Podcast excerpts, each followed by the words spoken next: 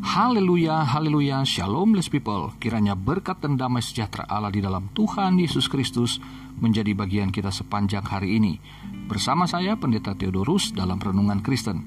Hari ini kita akan membahas tentang doa seorang yang kesepian dan terpenjara. Terambil dari Mazmur pasal 142. Saya bacakan bagi saudara satu pasal. Begini firman Tuhan, Nyanyian pengajaran Daud ketika ia ada di dalam gua, suatu doa. Dengan nyaring aku berseru-seru kepada Tuhan, dengan nyaring aku memohon kepada Tuhan. Aku mencurahkan keluhanku kehadapannya, kesesakanku kuberitahukan kehadapannya. Ketika semangatku lemah lesu di dalam diriku, engkaulah yang mengetahui jalanku. Di jalan yang harus kutempuh dengan sembunyi mereka memasang jerat terhadap aku. Pandanglah ke kanan dan lihatlah, tidak ada seorang pun yang menghiraukan aku Tempat pelarian bagiku telah hilang, tidak ada seorang pun yang mencari aku.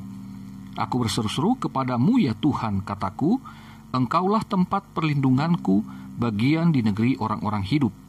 Perhatikanlah teriakku sebab aku telah menjadi sangat lemah. Lepaskanlah aku daripada orang-orang yang mengejar aku, sebab mereka terlalu kuat bagiku. Keluarkanlah aku dari dalam penjara untuk memuji namamu. Orang-orang benar akan mengelilingi aku, apabila engkau berbuat baik kepadaku. Bless people, ini adalah doa Daud ketika ia berada di Gua Adulam, seperti yang tertulis dalam 1 Samuel 22 ayat 1. Daud melarikan diri dari kejaran Saul, dan kemudian ia mencoba meminta suaka dari Akis, Raja kota Gad. Namun, Daud urung meminta karena ternyata Raja Akis telah diberitahukan tentang siapa Daud itu – Daud adalah pahlawan Israel dan pembunuh Goliat, pahlawan Filistin. Gad adalah bagian dari Filistin. Nah, ketakutan Daud bertambah karena ia harus berurusan dengan Saul dan Akis. Jadi ancamannya semakin bertambah. Pelarian ke sana ke sini sangat melelahkan Daud. Ia harus melewati waktu kurang lebih 13 tahun sampai akhirnya Saul mati dan ia dapat pulang kembali ke Israel, ke kampung halamannya.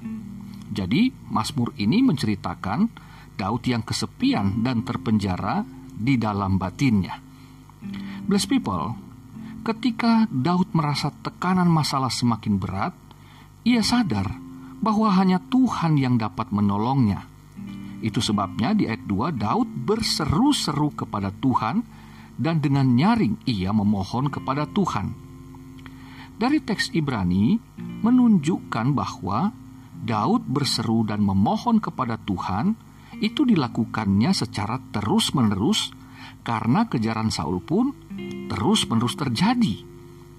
Saudaraku, persoalan yang dialami oleh Daud dapat terjadi pada kita juga.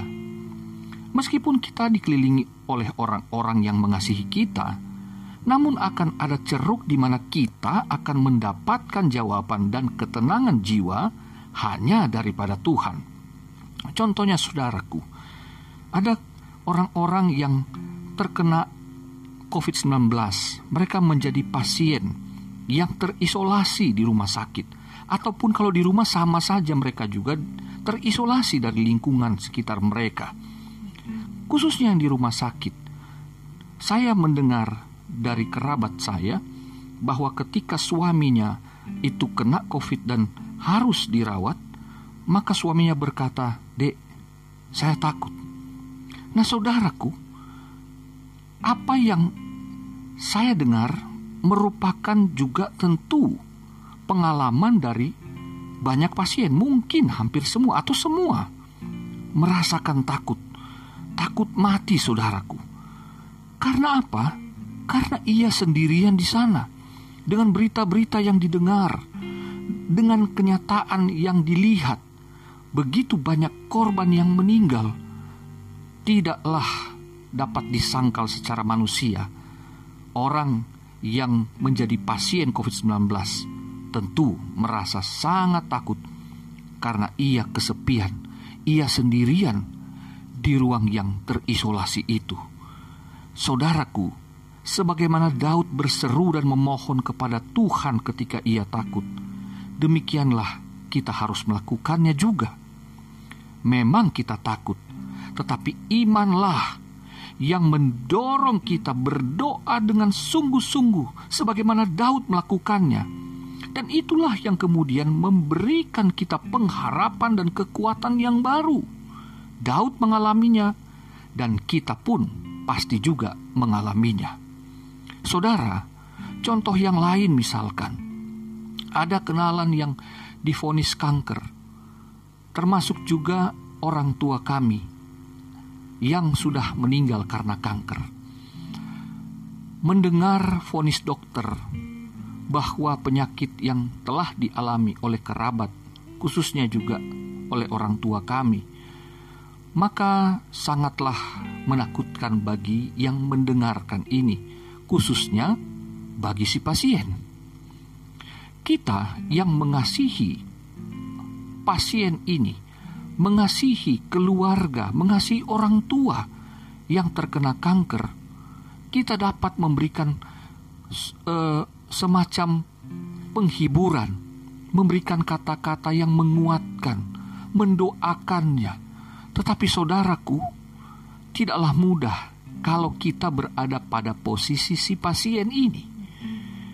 Saya juga dapat melihat dari tatapan mata orang tua saya keluarga saya, bahwa kerabat yang kami kasihi ini, bahwa mereka ada rasa takut.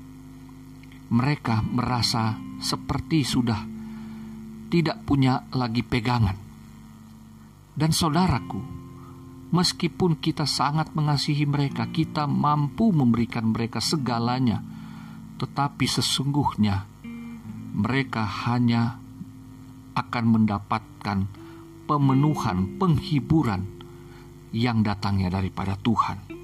Saudara dan saya tidak akan pernah dapat mengisi ceruk yang hanya Tuhan bisa berada di sana untuk memberikan penghiburan dan kekuatan serta kasih setianya kepada si pasien.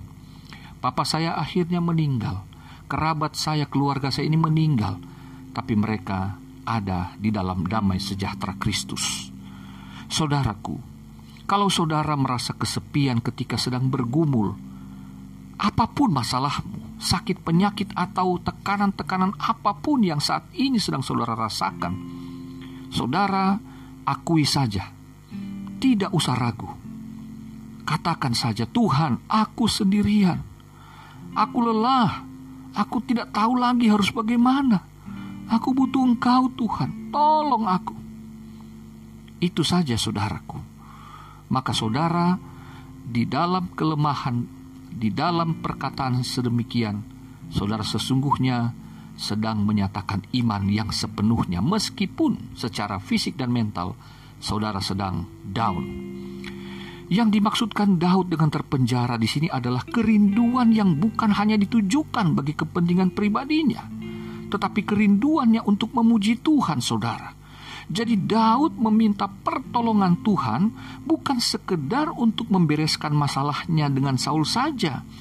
Tetapi yang terpenting bagi Daud adalah dia sangat rindu untuk beribadah kepada Tuhan. Khususnya di 8. Loh bukankah Daud telah beribadah dengan berdoa kepada Tuhan saat itu? Bukan itu maksudnya saudara. Kerinduan Daud ialah ia dengan orang-orang benar beribadah bersama-sama kepada Tuhan, tidak sendirian. Dia rindu, bukan hanya dia sendiri, tapi dia rindu berkumpul bersama. Demikianlah kita, saudaraku, pada hari-hari ini, sekiranya kita menghadapi permasalahan berat sekalipun, ingat belajar dari firman Tuhan ini. Kita jangan hanya berdoa bagi diri kita, tetapi dengan mengungkapkan doa bagi orang lain juga yang sedang tertimpa masalah. Bukan hanya pendeta yang berdoa demikian, bukan hanya pendoa syafaat. Saudara-saudara pun adalah orang-orang yang harus melakukannya. Karena dengan demikian saudara sedang berdiri sebagai pensyafaat juga bukan hanya bagi diri pribadi, tetapi bagi juga kepentingan orang lain. Bayangkan saudara, kekristenan mengajarkan demikian. Di dalam penderitaan pun kita masih bisa menolong orang lain dengan doa-doa kita. Haleluya, saudara. Mari kita berdoa. Kiranya Tuhan menolong semua orang yang kita syafaatkan agar kita dapat bersaksi tentang Yesus Kristus, Tuhan dan Juru Selamat dunia, Tuhan dan Juru Selamat kita. Tuhan yang menolong kita menyelamatkan dari kematian kekal. Kita akan sanggup berdiri untuk menghadapi hidup yang sementara, karena yang kekal kita punya maka yang sementara tidak dapat menghalangi kita untuk berdoa, untuk beribadah kepada Tuhan. Kiranya saudara diberkati Tuhan, Tuhan Yesus menolongmu, Tuhan Yesus memberkatimu. Haleluya, blessed people.